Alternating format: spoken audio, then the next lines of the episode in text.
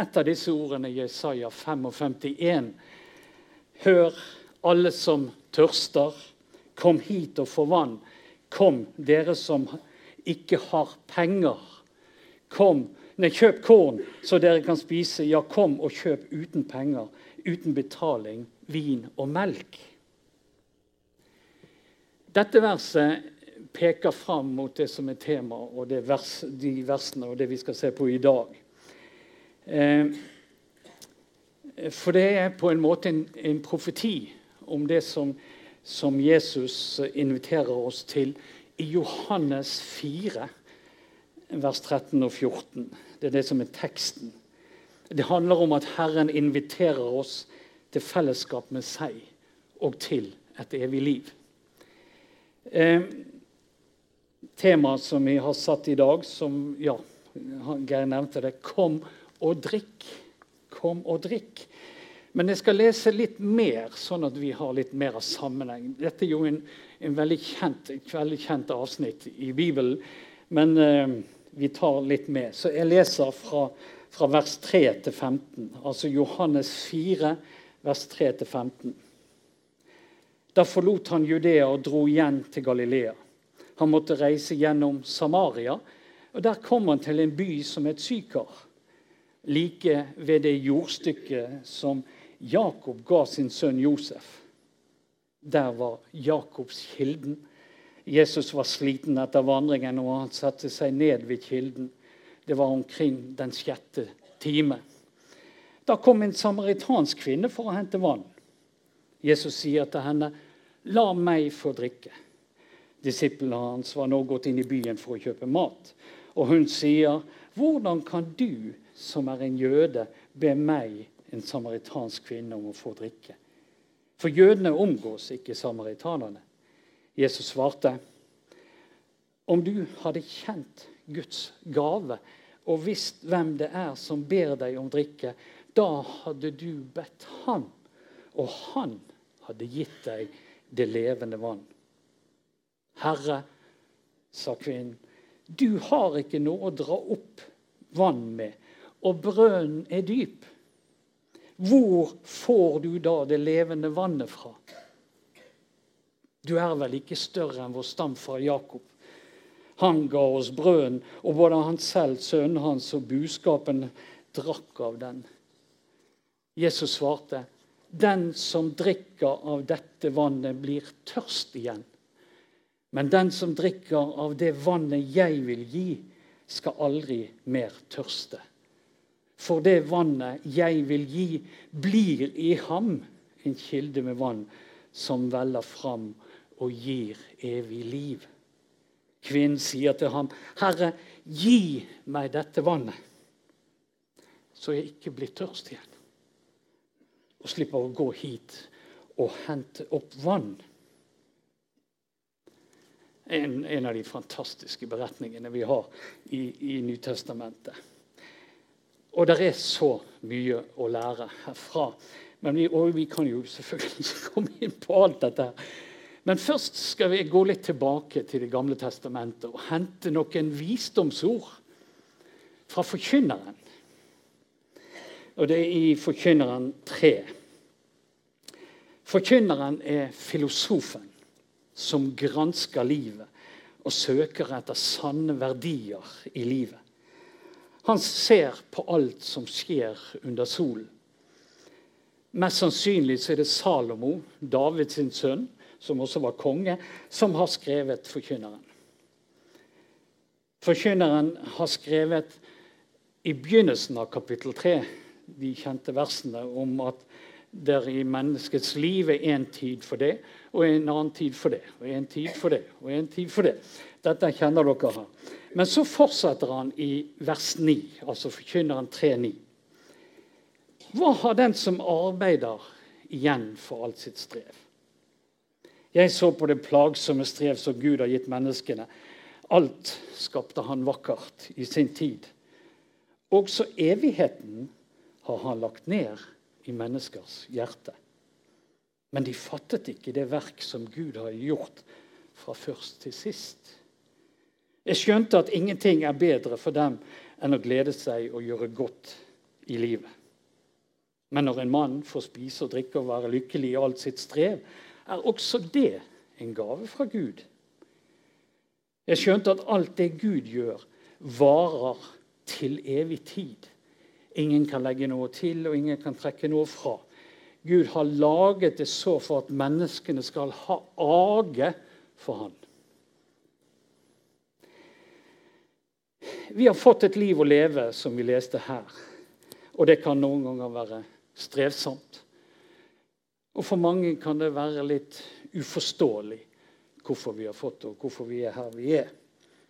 Som forkynneren er det, så har menneskene alltid vært opptatt med å finne grunnen til at vi er her vi er, at vi er her på jorden. Vi leste her også evigheten har han lagt ned i menneskers hjerter. Men de fattet ikke det verk som Gud hadde gjort fra først til sist. Altså forkynneren han har funnet ut at Gud har lagt evigheten ned i oss. Og det er dette som vi alle har i oss, men som veldig mange ikke skjønner. Vi har en trang til å finne ut hvorfor vi er her. Vi har en opplevelse av at det er noe mer enn akkurat det vi ser og forstår. Og det er på en måte dette som Jesus sikter til når han snakker med den samaritanske kvinnen ved brønnen og sier men den som drikker av det vann jeg vil gi ham, skal aldri mer tørste. Det vann jeg vil gi ham, skal bli en kilde i ham med vann som vender fram og gir evig liv. I samtalen med kvinnen Jesu møter, snakker hun om vannet i brønnen som slukker den umiddelbare tørsten. Men Jesus snakker om at han er kilden til det vannet som slukker den åndelige tørsten. Det levende vann som gir evig liv. Det vann jeg vil gi ham, sier Jesus, for han vil gi det. I samtalen holder ser vi at hun holder seg til tradisjon. og Hun møter Jesus med det. Hun er klar over at det er et spent forhold mellom jøder og samaritanere. De omgås ikke vanligvis. Og hun tenker logisk. Jesus har ingenting å dra opp vannet med. Hvor får han det levende vann fra? Og så sammenligner hun Jesus med andre, og i dette tilfellet med forfedrene. Du er vel ikke større enn vår stamfar Jakob, sier hun. Det var hennes referanse. Ikke sant? Men så ser vi at etter hvert som samtalen går, så vekkes kvinnens tro. Fordi han forteller henne det livet hun lever, og det livet hun har levd. Ikke sant? Vi kjenner til det. Du har fem menn, og den du har nå, er ikke din mann. Altså, Hun blir overveldet av hans kjennskap til hennes liv. Hun hadde hørt om Messias, som skulle komme og frelse. Og Videre kan vi lese at hun med en gang etterpå gikk inn til byen og fortalte til folket om Messias, som hadde sagt henne alt om hennes liv. Ja, så stor var forandringen for henne i hennes liv at hun glemte hvorfor hun var kommet til brønnen. For det står hun lot vannkrukken stå og gikk inn til byen. Vi lever i en tid da noen er ivrig etter å søke etter noe mer. Noen søker i vitenskapen. De vil forstå. Noen søker i det overnaturlige. De vil oppleve. Noen søker seg inn selv, inn i seg sjøl, gjennom andre religioner, sånn som yoga osv. Alt for å stille denne tørsten som er lagt ned i oss, denne lengselen, om du vil. Forkynneren sier at vi ikke kan forstå det Gud har gjort, og det han gjør. Vi kan heller ikke legge til noe eller trekke fra noe. Gud vil at vi skal ha respekt for Han. Og det er så rett, det som står i Forkynnerne 7, vers 29. Gud skapte mennesket slik det skulle være, men de prøver mange slags påfunn, står der. Det Jesus sier til dette, er Kom og still den type du tørst du har hos meg. For da vil du ikke tørste mer, sier han.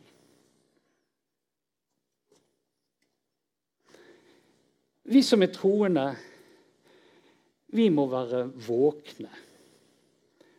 Så vi ikke i våre liv drikker av feile kilder.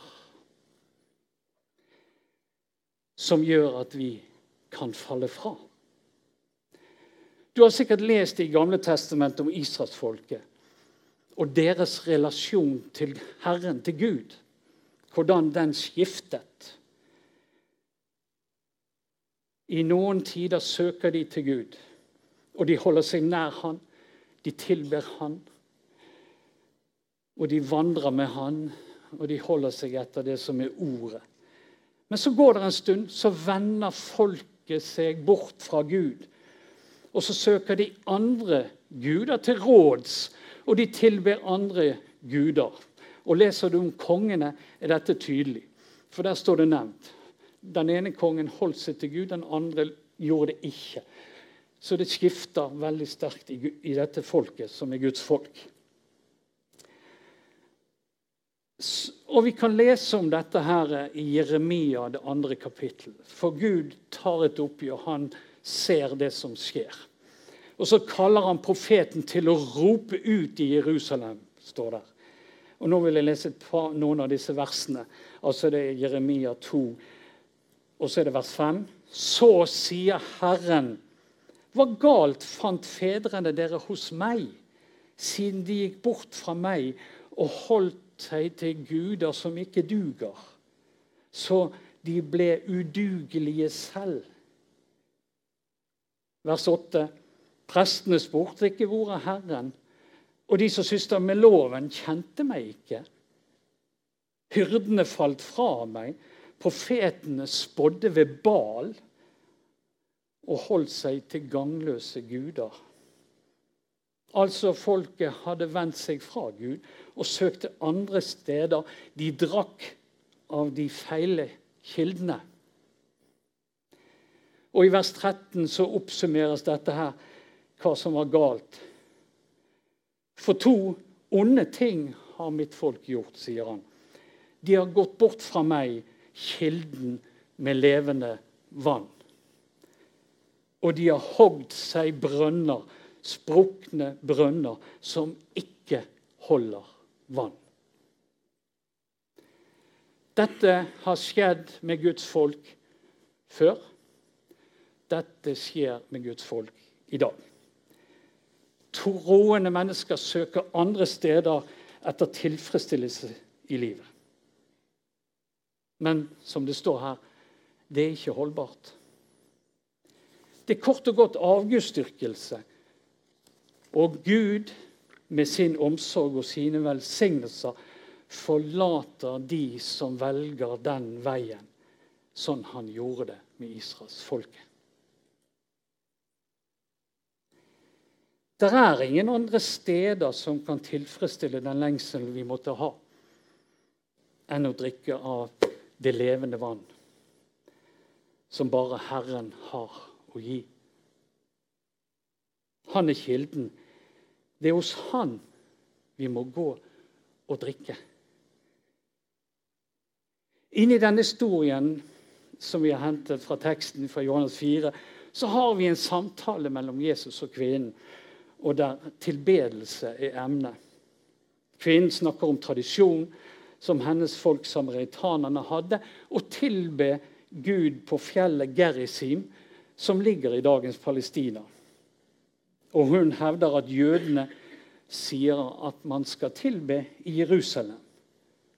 Og Så kommer Jesus og så korrigerer han dette her. Og så sier han og viser det nye livet. En tilbedelse som ikke er bundet til noe sted. Som er knyttet til det åndelige livet, det levende vann, som gjør at vi kan tilbe Herren overalt. Og så sier Jesus noe som vi som kristne mange ikke legger så mye vekt på, men som er både viktig og logisk. Og som òg er en beskyttelse mot det å fare vill og falle fra. Gud er ånd, og den som tilber Han, må tilbe i ånd og sannhet. Det er lett å hoppe over dette her, men dette er utrolig viktig. For Gud er ånd, og den som tilber Han, må tilbe i ånd og sannhet. Vi må tilbe fra et oppriktig hjerte. Gud ser vårt hjerte. Han ser alt og vet alt. Det er ingenting som er skjult for han. Og han vil at vi skal være ekte i møte med han. Det åndelige livet må få større plass hos oss. Tar vi imot Jesus som frelser og Herre, får vi Den hellige ånd. Jesus tar bolig i oss med sin ånd.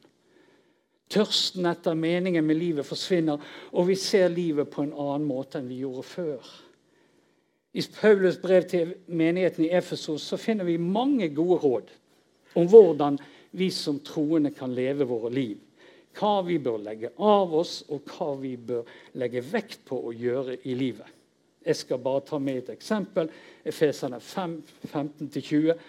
Pass derfor nøye på hvordan dere lever. Ikke som tåpelige mennesker, men som kloke, så dere kjøper den rette tid. For dagene er onde. Vær ikke uforstandige, men forstå hva som er Herrens vilje.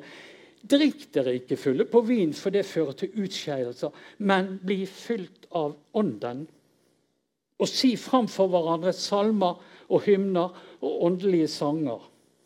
Syng og spill av hjertet for Herren. Takk alltid Gud Faderen for alle ting i vår Herre Jesu Kristi navn. Har vi kommet bort fra Jesus, trenger vi å vende oss tilbake til han og få han i fokus i livet. Hver dag søker han og ber han om å bli fylt av den ånd han har å gi oss. Derfor taler Gud til vår menighet og sier at vi kan få komme til Han og få det vi trenger av Han, gratis. som vi var inne litt inne på, så skjer det noe med denne kvinnen som møter Jesus ved brønnen. Hun glemmer krukken sin, skynder seg inn til byen og forteller om det hun har opplevd. Og her skjer egentlig det som Jesus sier. Det vann jeg vil gi ham, skal bli en kilde i ham med vann som veller fram og gir liv. Gir evig liv. Det vi drikker, vannet, det levende vann, er ikke bare til oss. Det er et overflodsvann. Det er noe som strømmer over fra oss. Og Resultatet ser vi i Johannes 4, 39-42. Mange av samaritanerne fra denne byen var kommet til tro på Jesus pga. det kvinnen sa da hun vitnet. Han har sagt meg alt jeg har gjort. Nå kom de til ham og ba ham bli hos dem, og han ble der i to dager. Mange flere trodde da de fikk høre hans eget ord, og de sa til kvinnen nå tror vi ikke lenger pga. det du sa. Vi har selv hørt ham, og vi vet at han virkelig er verdens frelser. Når vi drikker av den levende kilde, Den hellige ånd, så vil det flyte over til menneskene rundt oss. Det var det vi så med kvinnen. Hun glemte tid og sted, og hun løp og fortalte det. Det vil flyte over for oss. Og hør på han her mannen her. Dramatikeren Murray Watts forteller om en ung mann som var så overbevist om at kristendom var sann, men som samtidig var lammet av frykt ved tanken på å måtte innrømme at han var en kristen. Tanken på å skulle fortelle noen om troen han hadde funnet, og risikere å bli stemplet som en religiøs tulling, det bør han imot.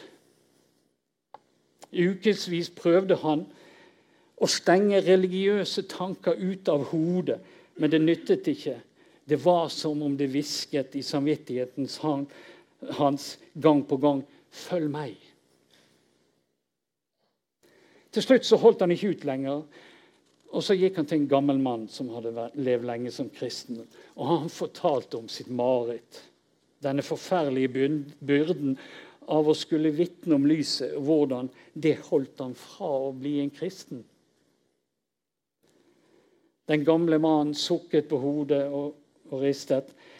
Sukket og ristet på hodet. Dette er en sak mellom deg og Kristus, sa han. Hvorfor blande inn alle de andre?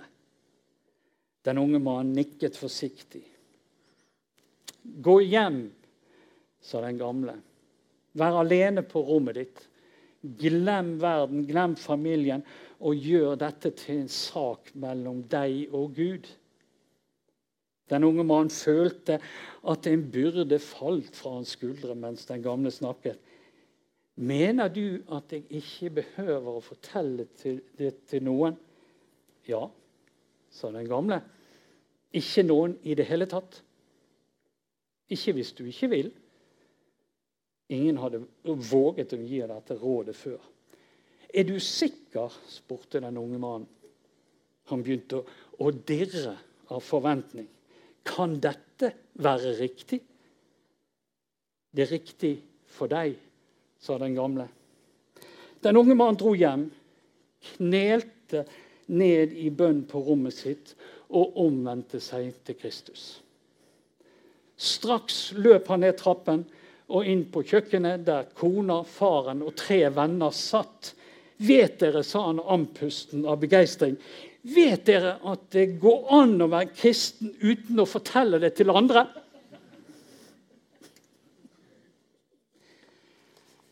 ikke det herlig? Sånn kan møtet med Herren være. I denne beretningen som vi har sett på, så skjer det store endringer i livet til denne kvinnen. Hun skulle jo bare hente vann ved brønnen. Hun møter Jesus der. Troen vekkes fordi at hun møter en tilgivende frelser i forhold til det livet hun lever. Frimodigheten og trangen til å fortelle dette bobler opp i henne, og hun løper i hast for å fortelle om frelseren hun har møtt. Glemt var vannet hun kom for å hente. Jesus har ikke endret seg. Han er den samme i dag. Og kanskje sitter du her med en erfaring av et møte med Jesus i ditt liv. Det er godt å se at Jesus ikke bryr seg om at kvinnen er samaritansk. Han ser mennesket som trenger det levende vannet. Mennesket som trenger frelse. Jesus ser forbi alle barrierer Kvinne eller mann, trell eller fri, jøde eller samaritan. For Jesus er alle like dyrebar. Invitasjonen om å få det levende mann går ut til alle. Jesus sitt 'kom' gjelder alle, også de som sier nei. Vi alle, uansett hvordan vår livssituasjon måtte være, er invitert til et evig fellesskap med Jesus. Og det starter her og nå, på jorden. Dette temaet 'kom og drikk' er egentlig to ting. Det er 'kom', oppsøk Jesus, vær i hans nærhet. Og det er 'drikk', det er å åpne seg for det han har å gi oss. Jesus kaller oss til å komme til Han. Men jeg er redd at mange gjør det uten å ta med det siste, det å drikke. Så ikke bare kom til Jesus, men drikk. Hent fra Han. Be Han gi deg det du trenger. Både for å leve som en kristen og det du trenger i ditt eget personlige liv. Han har makt til å gi deg det du trenger. Og han lengter etter å gi deg det du trenger fordi han elsker deg inderlig. Drikke gjør vi når vi ber om å bli fylt av Den hellige ånd. Drikke gjør vi når vi leser ordet. Det er fylt av Guds ånd kraft. Der må vi være. Og Jesus sier til oss, 'Kom og drikk'. Takker deg, Herre, for at du er her. Du vil at vi skal komme til deg. Du kjenner våre liv. Du kjenner vår vandring. Du kjenner om vi har vandret bort fra deg. Om vi er blitt villedet. Om vår, vårt fokus har endret seg. Du vet alt, Herre, og du elsker oss. Og så strekker du en hånd ut til oss, og så sier du 'kom'. Kom til meg og drikk, for jeg har det du trenger. Takk, Jesus, for denne kjærligheten. Takk, Jesus, for at du strekker ut en hånd til oss her i dag. Og vi som er her, vi kan få lov å komme til deg akkurat sånn som vi. Og så kan vi få lov å drikke. Vi kan få lov å hente ut fra deg det som du har for oss.